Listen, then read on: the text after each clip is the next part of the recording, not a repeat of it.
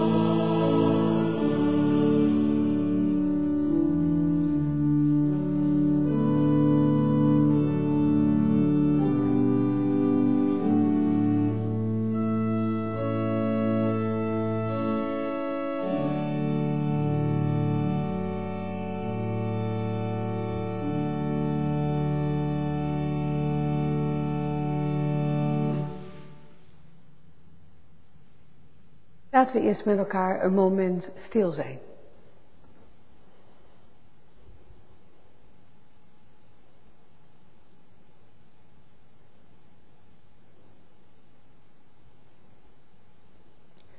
Onze hulp is in de naam van de Heer, die hemel en aarde gemaakt heeft, die trouw houdt tot in eeuwigheid en niet laat varen het werk van zijn handen. Genade en barmhartigheid en vrede zij u van God de Vader en van Christus Jezus, onze Heer. Amen. Dan zingen we verder lied 219, vers 4 en 5.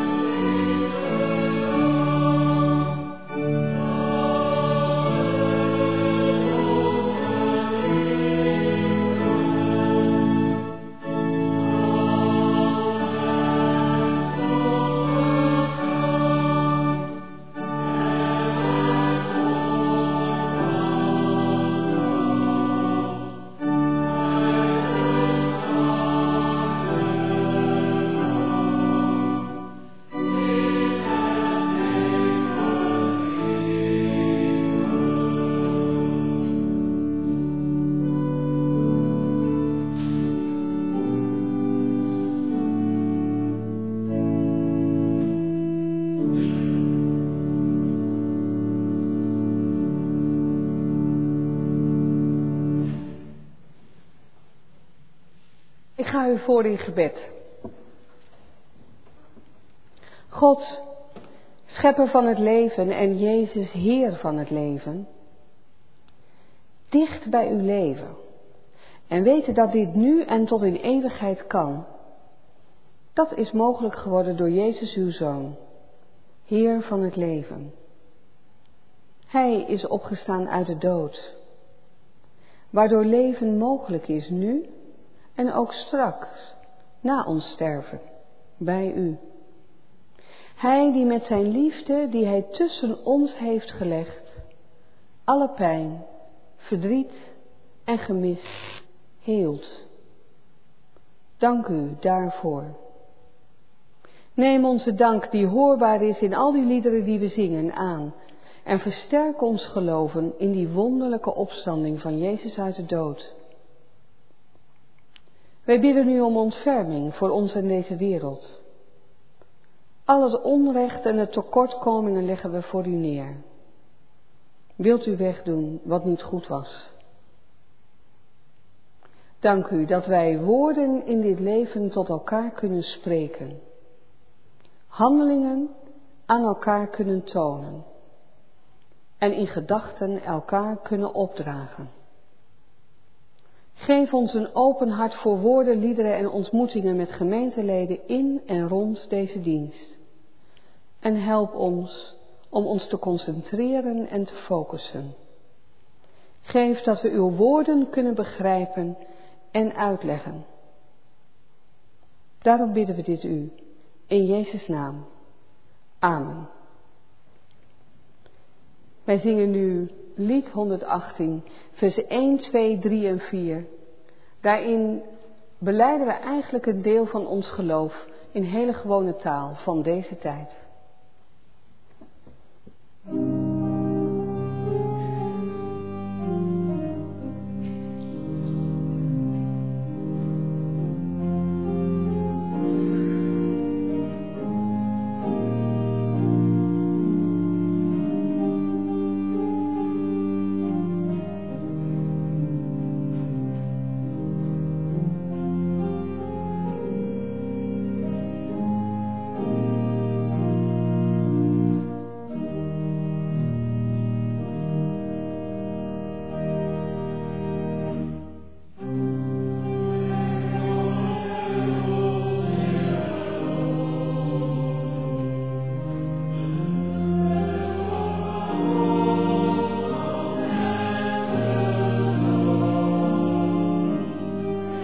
you.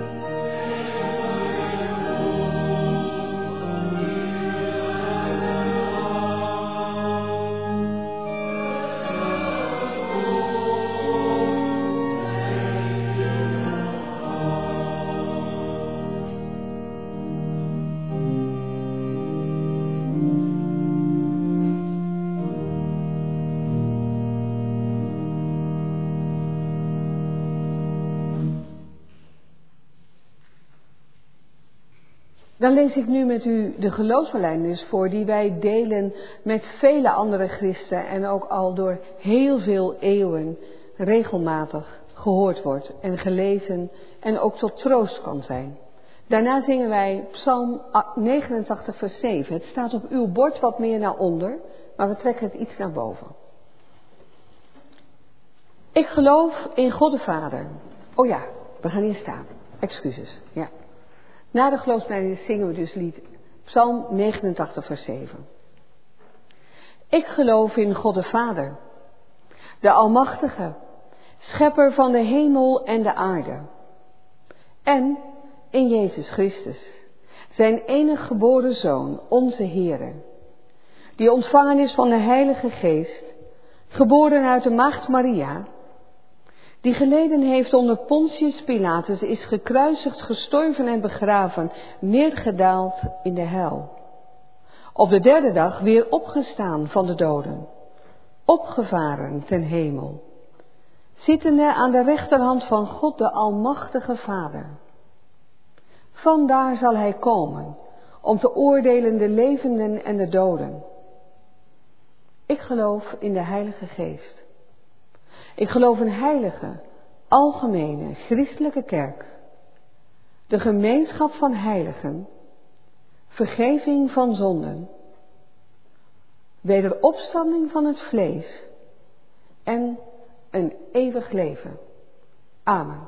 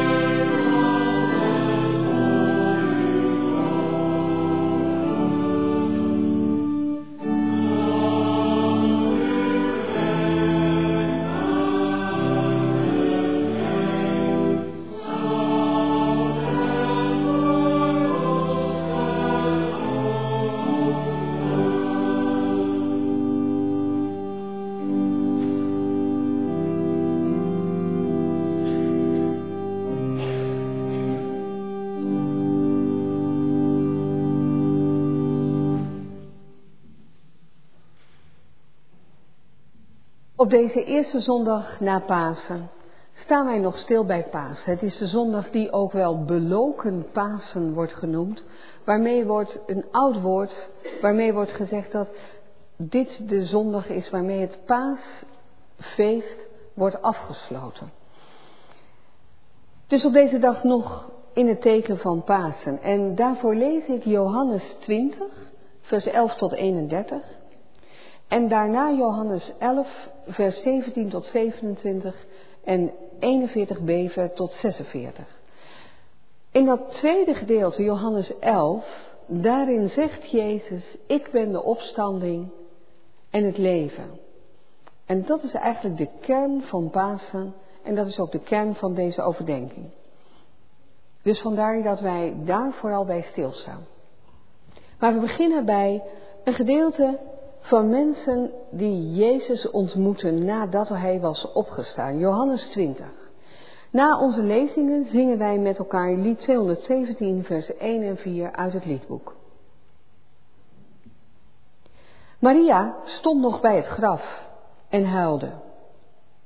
Huilend boog ze zich naar het graf en daar zag ze twee engelen in witte kleren zitten. Eén bij het hoofdeind en één bij het voeteneind van de plek waar het lichaam van Jezus had gelegen. Waarom huil je? vroegen ze haar. En ze zei, ze hebben mijn Heer weggehaald en ik weet niet waar ze hem hebben neergelegd.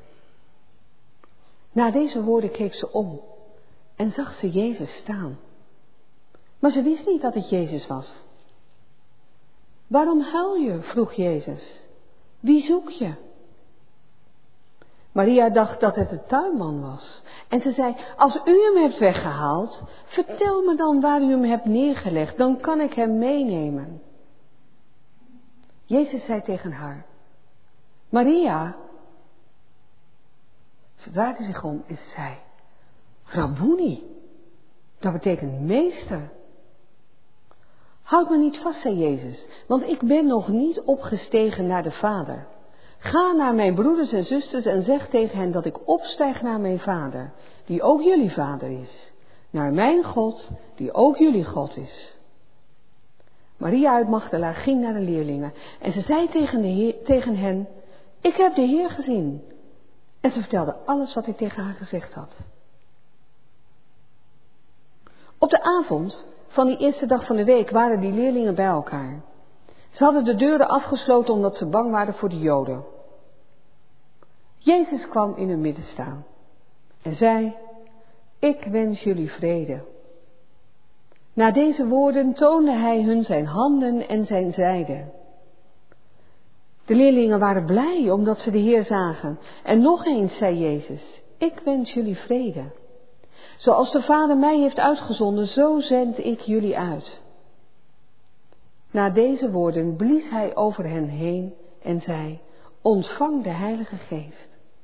Als jullie iemand zonde vergeven, dan zijn ze vergeven. Vergeven jullie ze niet, dan zijn ze niet vergeven. Een van de twaalf, Thomas, dat betekent tweeling, die was er niet bij toen Jezus kwam. En toen de andere leerlingen hem vertelden, wij hebben de Heer gezien, zei hij, alleen als ik de wonden van de spijkers in zijn handen zie en met mijn vingers kan voelen en als ik mijn hand in zijn zij kan leggen, zal ik het geloven. Een week later waren die leerlingen weer bij elkaar. En Thomas was er nu ook bij. Terwijl de deuren gesloten waren, kwam Jezus in hun midden staan. Ik wens jullie vrede, zei hij. En daarna richtte hij zich tot Thomas. Leg je vingers hier en kijk naar mijn handen. Leg je handen in mijn zij. Wees niet langer ongelovig, maar geloof. Thomas antwoordde, Mijn Heer, mijn God. En Jezus zei tegen hem, omdat je me gezien hebt, geloof je. Gelukkig zijn zij die niet zien en toch geloven. Jezus heeft nog veel meer wondertekenen voor zijn leerlingen gedaan, die niet in dit boek staan. Maar deze zijn opgeschreven, opdat u gelooft dat Jezus de Messias, de Zoon van God is, en opdat u door te geloven leeft door zijn naam.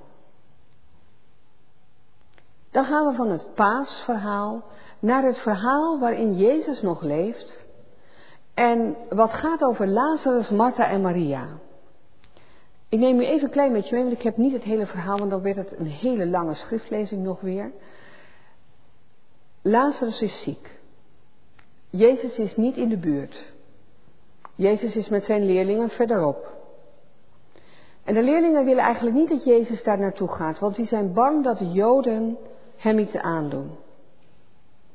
Maar Jezus zegt, ik ga ook nog niet, maar dat doe ik omdat ik wil laten zien dat de dood niet het laatste woord heeft, maar dat de eer van God wordt verkondigd. Nou, dat nemen de leerlingen dan aan. En dan op zijn tijd gaat Jezus toch naar Lazarus toe. En daar beginnen we. 11, vers 17. Toen Jezus daar aankwam, hoorde hij dat Lazarus al vier dagen in het graf lag.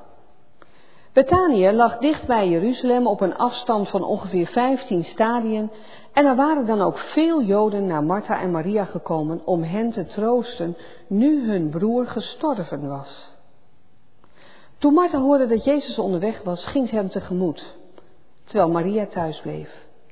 Martha zei tegen Jezus, als u hier was geweest, Heer, zou mijn broer niet gestorven zijn. Maar zelfs nu weet ik dat God u alles zal geven wat u vraagt. Jezus zei, je broer zal uit de dood opstaan. Ja, zei Martha. Ik weet dat hij bij de opstanding op de laatste dag zal opstaan. Maar Jezus zei, ik ben de opstanding en het leven. Wie in mij gelooft zal leven ook wanneer hij sterft. En ieder die leeft en in mij gelooft zal nooit sterven. Geloof je dat? Ja, zei ze. Ik geloof dat u de Messias bent, de Zoon van God, die naar de wereld zou komen. Dan lees ik weer een stukje niet, dat is een gesprek tussen Jezus en Maria. Maria die direct eigenlijk Jezus aanbidt en zijn eer wel herkent. En na dat gesprek gaan we dan verder in vers 41b. Daarop keek Jezus omhoog en hij zei, Vader, ik dank u dat u mij hebt verhoord. U verhoort mij altijd, dat weet ik. Maar ik zeg dit ter wille van al de mensen hier, opdat ze zullen geloven dat u mij gezonden hebt. Daarna riep hij, Lazarus, kom naar buiten. De dode kwam tevoorschijn, zijn handen en voeten in linnen gewikkeld en zijn gezicht bedekt door een doek. Jezus zei tegen de omstanders, maak die doeken los en laat hem gaan. Veel Joden die naar Maria toegekomen waren en gezien hadden wat Jezus deed, kwamen tot geloof in hem. Maar enkele gingen naar de Fariseeën om hun te vertellen wat Jezus gedaan had. Tot zover de schriftlezing. Dan zingen we nu lied 217, vers 1 en 4.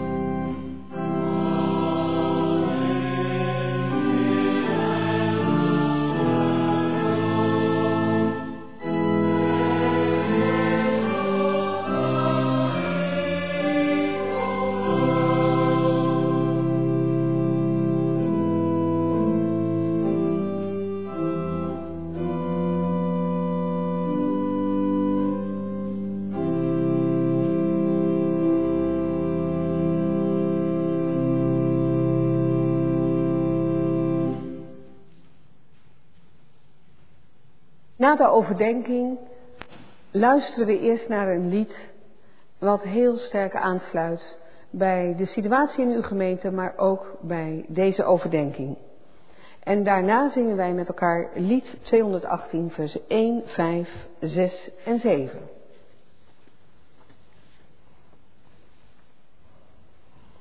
Gemeente. Ongelooflijk. Wel eens gezegd? In wat, ja, in wat voor situatie? Misschien kunt u een situatie in uw gedachten nemen. U hebt vast wel eens gehad dat u dacht, wat ik zie, is dat echt? Wat ik hoor, dat geloof ik toch niet, dat kan toch niet, dat kan toch niet waar zijn? Ongelooflijk. Ik heb dat woord de afgelopen periode heel veel gehoord. Ik eh, ben vlak voor Pasen teruggekomen van een reis naar Down Under. En wat heb ik zelf dat woord vaak gebruikt in diverse situaties. Wat was het ongelooflijk fijn om mijn dochter na drie kwart jaar weer te zien en mijn kleinkinderen. En wat ongelooflijk raar was die gewaarwording. Dat wij, we gingen zitten in de tuin, mijn uh, echtgenoot zit daar, hij weet dat nog wel. We gingen zitten in de tuin en we hadden gedacht, nou ja, als we daar gaan zitten dan draait de zon zo, dan blijven we in de zon. En we zaten even, en toen zaten we in de schaduw. Hé, wat? Oh ja, dat is gek. Die zon draait de andere kant op. Ik zit aan de andere kant en de zon draait niet door het zuiden, maar door het noorden. Ongelooflijk rare gewaarwording. Nou, en ongelooflijk mooi is de natuur, want wij zijn eh, met mijn dochter en de kleinkinderen en haar man, hebben wij twee weken door Nieuw-Zeeland getrokken in een camper. Nou, de natuur en de diversiteit van dat landschap. Iedere dag was het anders, eigenlijk wel meerdere keren op een dag, niet te bevatten. Van diep blauwe, rustige oceanen tot grijze, bijna zwarte, wilde oceanen. Van hagelwitte stranden met steeds andere stenen, schelpen of vegetatie. Van palmbomen op rotsen direct aan de oceaan. Van ijsblauwe meren en groene fjorden. Van mega koude nachten met vriestemperatuur. Van helder water waarin je oneindig kunt kijken. En dan heb ik het nog niet over de besneeuwde Alpen van de Mount Cook. En al die bijzondere vogelgeluiden, want er is bijna geen vogel hetzelfde als hier. Zeehonden, zeeleeuwen, dolfijnen. En ook nog een geeloogige pingwing die, die waggelde over het strand van de zee naar zijn hutje in de duinen. Mijn kleindochter Jante, die zei regelmatig tegen me, raar hè oma. Het lijkt wel een plaatjeswereld. Is dit eigenlijk wel echt? Dan zei ik, zal ik je even knijpen? Dan voel je het. Het is echt. Iets anders ongelooflijks was een paar dagen toen wij terugkwamen. En dat was vooral een gewaarwording voor mijn dochter. Mijn dochter vond het natuurlijk niet leuk dat wij weer weggingen. Wij ook niet trouwens. En ze was verdrietig. En op Goede Vrijdag stapt ze uit haar huis en ze kijkt naar de lucht. En ze ziet dit. Ik kan het hier u niet laten zien, maar ik heb mijn telefoon bij me. Ik kan het u laten zien. Maar ik kan wel even zeggen wat ze zag. Ze zag een kruis is een hartje. En dat stond zoals vliegtuigstrepen in de lucht, die kun je soms wel zien. Zo stond in het wit, kruis is hartje. Hoe kan dat nou? Ongelooflijk. Maar het was zo. En het gaf haar zoveel troost op dat moment. Het is leuk als u zometeen mij vraagt om even die foto te laten zien. Ik zal hem. Uh... Oh, dan moet ik nog wel naar de auto, want daar ligt mijn telefoon. Maar goed, oké. Okay. Dat mag jij dan doen. oké. Het woord ongelooflijk. Dat kwam in de week van Pasen ook in een hele andere context naar voren. De Notre Dame vatte vlam. Ongelooflijk, dachten velen. Dat kan toch niet waar zijn? Parijs zonder Notre Dame. En velen deden mee aan dat collectieve gebed voor dat behoud van dat godshuis.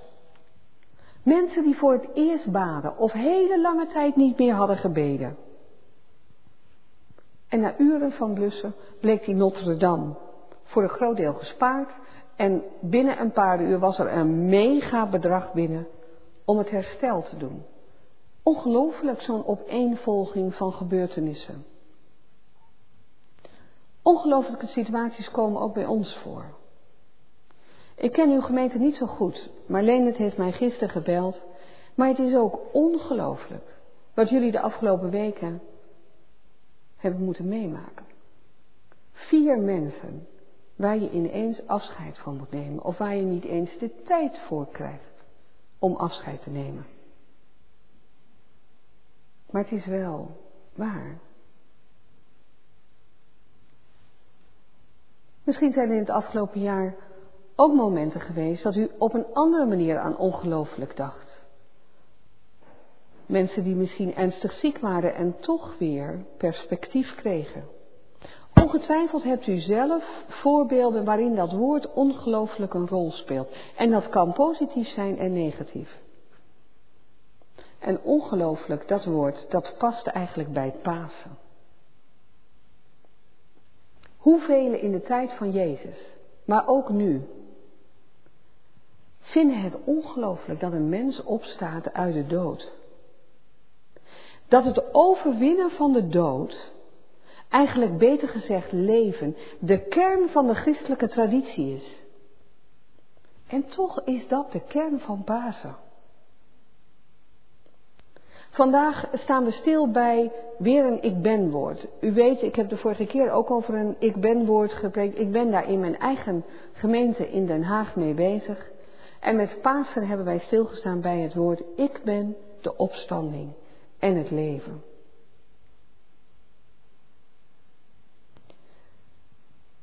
En dan kijken wij naar de verhalen over Lazarus, Martha en Maria en het paasverhaal. Wat is nou de bedoeling van die verhalen?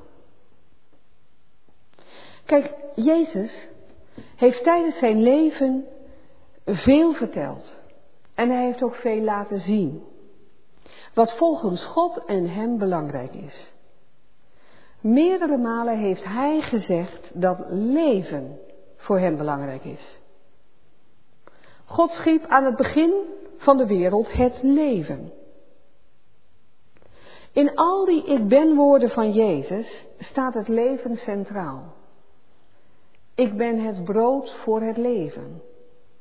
De dagelijkse basisbehoefte voor het leven. Maar ik ben zelfs meer dan dat. Ik ben de wijn, het symbool van volheid en overvloed. Ik ben de weg, de route voor het leven. Voor een goed leven. En die route is leven vanuit liefde. Steeds liefde, je, laten, je door de liefde laten leiden. Ik ben de goede herder. Ik zorg voor je in het leven. Dat er goede gronden zijn waarin je kunt leven. En ik ben het licht voor het leven. Daar hebben we het met kerst over gehad, met dat mooie schilderij hier. Zonder licht kan er niets groeien en er is er geen leven.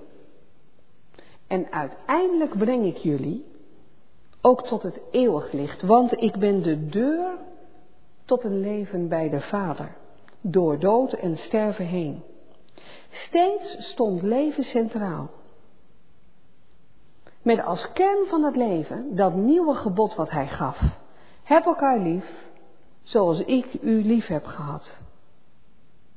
Steeds sprak hij daarover en hij toonde dat ook op diverse manieren en momenten. Door oog te hebben voor degene die niet gezien werd. Je mag het laten liggen, want ik was er al mee. Dat, laat maar gewoon, ja. Jezus toonde dat ook. Door oog te hebben voor dat zwakke, dat kwetsbare. Maar ook voor het sterke hoor, die sterke jonge man die bij hem ook met vragen terecht kon. Door zieken te genezen, Door hele verhandelingen preken te houden over de kern van het samenleven in een wereld waarin Zijn liefde de kern is. Maar hoe geloofwaardig is dat in een wereld waarin het lijkt dat pijn en verdriet door dood en sterven nog steeds het laatste woord hebben? En in dat kader wordt dit verhaal over Lazarus, Martha en Maria en het Pasen verteld. Jezus zegt in het verhaal over Lazarus, Martha en Maria, ik ben de opstanding en het leven. En dat wordt gevolgd door de zin, wie in mij gelooft zal leven, ook wanneer hij sterft. En ten diepste zal die nooit sterven. Leven blijft voor hem of haar bestemd. Kijk, Lazarus is ziek en hij weet dat al een paar dagen, Jezus. Maar Jezus wacht. Hij gaat eerst met zijn leerlingen in gesprek. En dan zegt hij heel nadrukkelijk dat deze ziekte niet uitloopt op de dood, maar op de eer van God. En die leerlingen die begrepen er niets van. Kijk, ze wisten veel van Jezus, want Jezus kon beter maken. Dus hij kon beter direct gaan. Maar op zijn tijd gaat Jezus er naartoe. En wanneer hij dan aankomt, hoort hij dat Lazarus al vier dagen gestorven is. En dan volgt dat gesprek met Martha, een zus van Lazarus, die naar Jezus toe gaat. Ja, ook zij wist dat Jezus mensen beter kon maken. Dat was alles eerder gebeurd. Waarom was Jezus niet eerder gekomen? Maar vervolgens toont ze toch dat ze gelooft in de kracht van Jezus. Ze refereert aan Jezus' oorsprong, namelijk dat hij van God kwam als de Messias, de Zoon van God, die naar de wereld zou komen. Het lijkt nog wat traditioneel, dat geloof. Ook de Joodse verwachting is hoorbaar in haar woorden als ze zegt over de opstanding van de doden in het einde der tijden. Maar Jezus zegt dan dat er nu al leven is dat leven nu al toegankelijk is voor wie in Hem gelooft. Eigenlijk zegt Jezus, denk niet vanuit al die oude kaders. Martha, er is een nieuwe werkelijkheid met mij, met, met Jezus gekomen. Geloven in Hem is geloven in Zijn liefde. En is geloven dat die liefde bij de mensen en tussen mensen is neergelegd. Dan volgt weer een fragment van een gesprek met Maria. Maria heeft verdriet over haar broer. En toch ook weer vertrouwen in Jezus. Ook als een genezer, want daar wist ze ook van. Maar ze bewijst Jezus ook eer en erkent zijn heerlijkheid. Later is zij de Maria die Jezus de zalving doet met olie en de voeten afdroogt met haar haren. Het is een soort, zij heeft iets gevoeld van dat naderende sterven van Jezus. Het zijn drie hele verschillende gesprekken met volgelingen van Jezus. Ze kenden hem allemaal als een meester, rabbi en genezer. Hele verschillende typen. En dat is ook zo in dat andere gedeelte wat wij lazen. Over dat paasverhaal. Aan allerlei verschillende mensen maakt Jezus zich bekend, passend in de context van die persoon. Aan Maria, die vol verdriet was. Aan leerlingen, die verbaasd, verrast, misschien met ongeloof, maar ook wel weer herkenning en erkenning. Aan een Thomas vol twijfel Eigenlijk zijn het prototypen voor verschillen die er nu ook onder gelovigen zijn. En Jezus wil aan hen en aan ons iets tonen, om ze sterker te maken in het geloven en in het vertrouwen op Hem. Geloven dat Zijn woorden over leven echt werkelijkheid zijn. Dat je kunt vertrouwen op Hem. Het is een machtige Jezus, zoon van God, en tegelijkertijd een mens die naast mensen en tussen mensen staat, diep bewogen en geraakt. En dat toonde hij meerdere keren. Bij de intocht in Jeruzalem, in de tuin van Gethsemane, maar ook bij dat verhaal bij Thomas, die twijfelende Thomas. Jezus volgen, dat is bij uitstek dynamisch. Het is flexibel. Het is intensief, maar het vraagt ook iets openstellen voor een nieuwe wereld.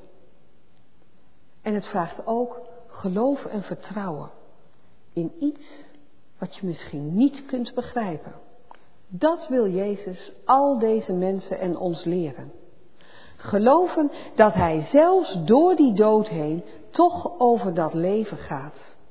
Omdat God Hem gezonden heeft en deze macht en heerlijkheid gaf. Dit gedeelte, Nazareth 11, of eh, sorry, Johannes 11, sluit af met de opmerking dat velen die het gezien hadden in hem gingen geloven. Maar er waren er ook die het ongelooflijk vonden. En eigenlijk een beetje onverontwaardigd waren. Ze gingen naar de leiding van het toenmalige volk. En het vervolg kennen wij. Jezus is gevangen genomen. Hij is gestorven aan het kruis. Begraven en weer opgestaan. En dan in dat verhaal over die opstanding klinkt die echo vanuit dat verhaal over Lazarus, Martha en Maria. Al deze wondertekenen zijn opgeschreven opdat u gelooft dat Jezus de Messias is, de Zoon van God. En opdat u door te geloven leeft door zijn naam. Drie dagen was Jezus gestorven, Lazarus vier. Op de derde dag stond Jezus op uit de dood. Ongelooflijk. Wat zouden wij er naar uitkijken als iemand waar je veel van hebt gehouden ineens weer zou leven? Dat zou fijn zijn. Daar zou je blij van worden. Maar toch, je kunt het je niet voorstellen. Want dood is dood, levend is levend. En toch is dit het verhaal van Pasen. Jezus die dood was, gestorven aan het kruis, wordt levend. En eerder had diezelfde Jezus als een soort vooraankondiging al Lazarus levend gemaakt. Waarom? Waarom doet Jezus dat? Jezus wil dat wij het leven centraal sta, staat. Genieten van wat God in dit leven, in zijn schepping heeft neergelegd. Leven heeft het laatste woord. En van leven worden we blij. Dat is waarvoor God die wereld heeft geschapen. Ooit was het in het paradijs goed. En in die goede schepping is het kwade gekomen en wij ervaren dat iedere dag. De gevolgen bij onszelf, in dingen die wij niet goed doen. Of in dat verdriet of die pijn over dat sterven, zeker wat u nu de afgelopen weken hebt meegemaakt. Waardoor u mensen moet missen.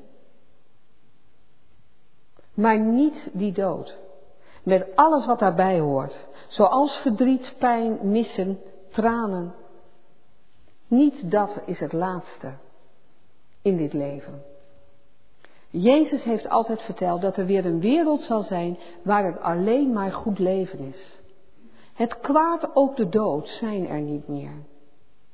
En om dat te kunnen geloven, dat het kwaad, die pijn, dood, verdriet, niet het laatste woord heeft, ook nu niet. Daarvoor is Jezus opgestaan uit de dood. Het was nog nooit gebeurd geen mens kon het. Jezus heeft het getoond. Hij is opgestaan uit de dood. Pasen is gekomen, opdat wij dat leven, die woorden van Jezus over het leven, kunnen geloven. Een leven vol liefde. En altijd. Er is leven na de dood en door de dood heen bij God. Is dit nou echt? Dat kan toch niet waar zijn? Net zoiets als Jante, mijn kleindochter, zei: Het is toch een plaatjeswereld. Jezus weer leven, dat lijkt toch een fantasieverhaal? Niet te geloven? Ja, wel echt. Het verhaal vertelt dat hij daarna er weer was bij Maria, bij de leerlingen, bij Thomas en bij vele anderen. En al eeuwenlang is dit verhaal verteld, geloofd en vertrouwd. De realiteit is dat een leven met God door de dood niet meer verstoord wordt. En Gods realiteit die overstijgt onze realiteit. Soms kun je het haast niet of niet geloven. Het is ook niet te bevatten met al onze vragen, logica of twijfels. Dat de dood door leven wordt ingehaald. Zeker niet zoals bij jullie, wanneer je in die afgelopen periode zo geconfronteerd bent geweest met sterven.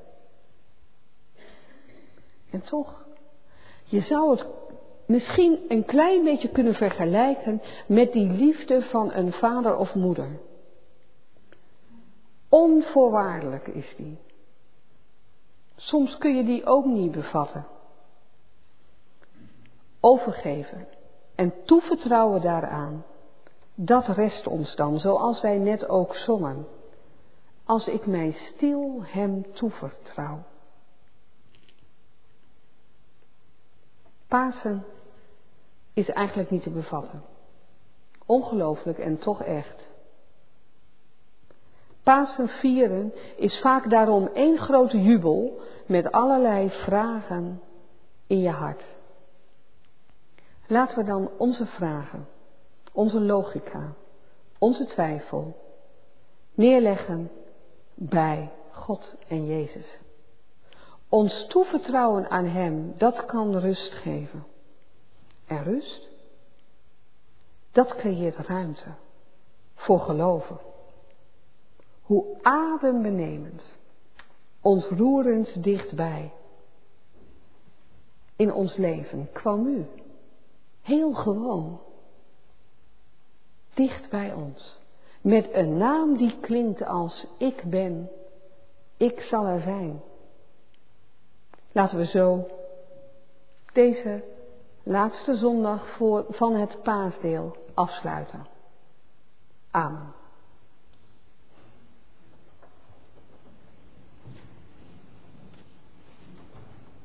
We gaan eerst, we gaan eerst luisteren naar een luisterlied.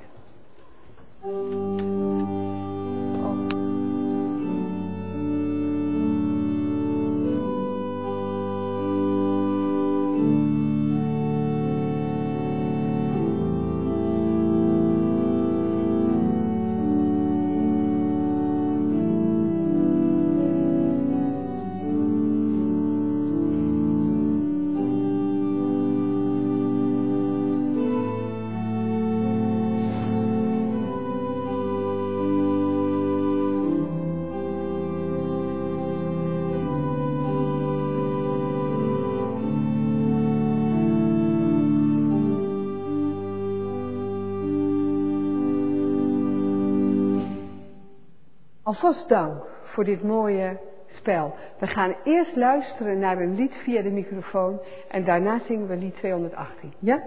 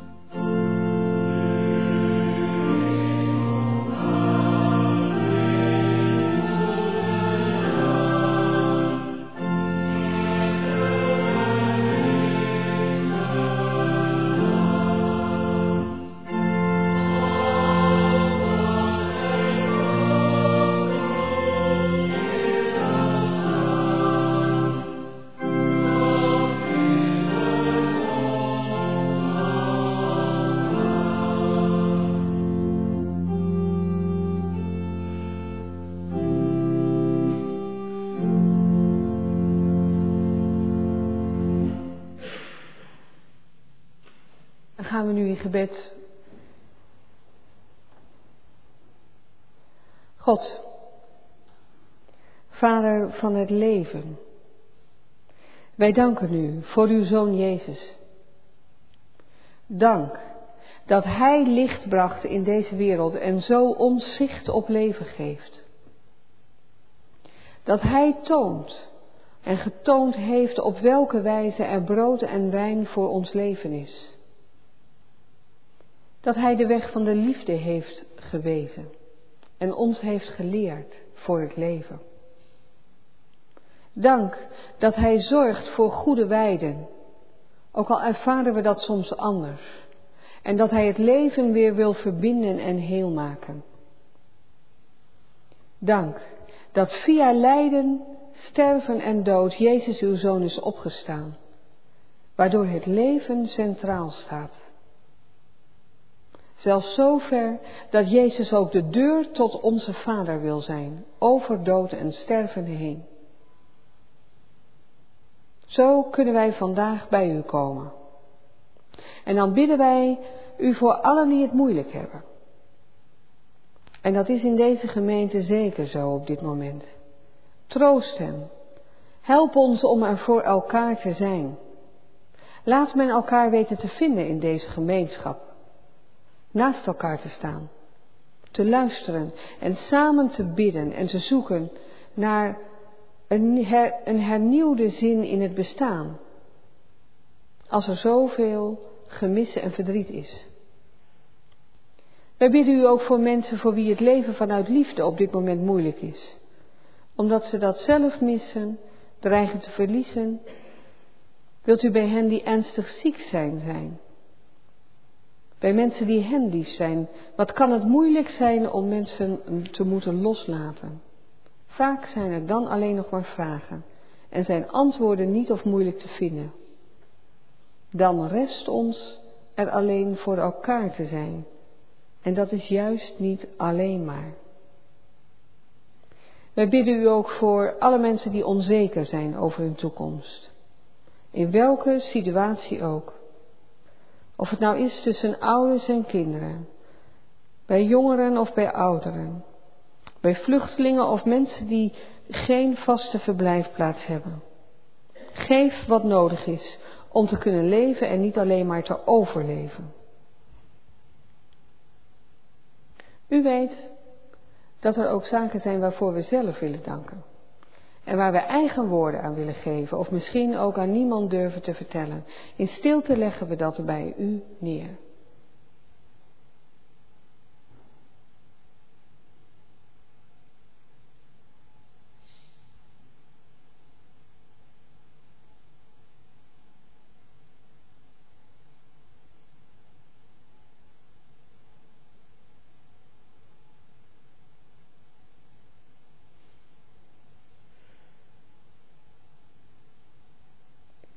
God, onze Vader, Vader van het leven, u die met Pasen uw macht en majesteit heeft getoond, door dat overwinnen van die dood.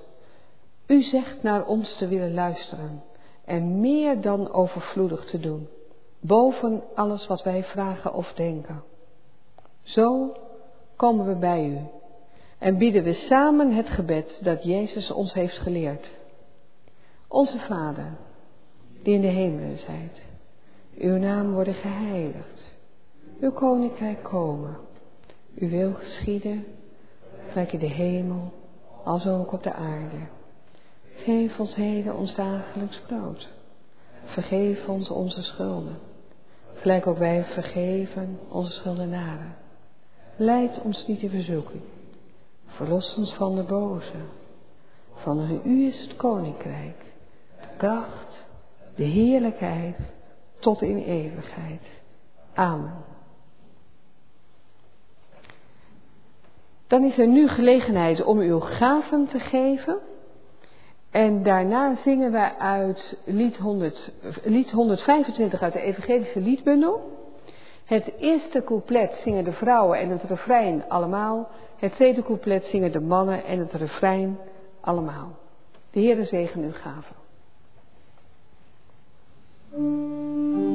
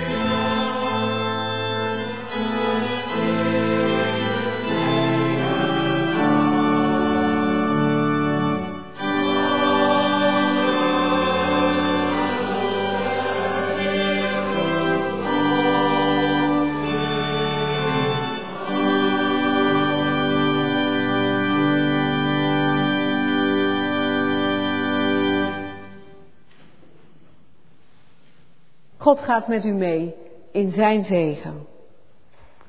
De genade van onze Heer Jezus Christus en de liefde van God en de gemeenschap van de Heilige Geest is met ons allen.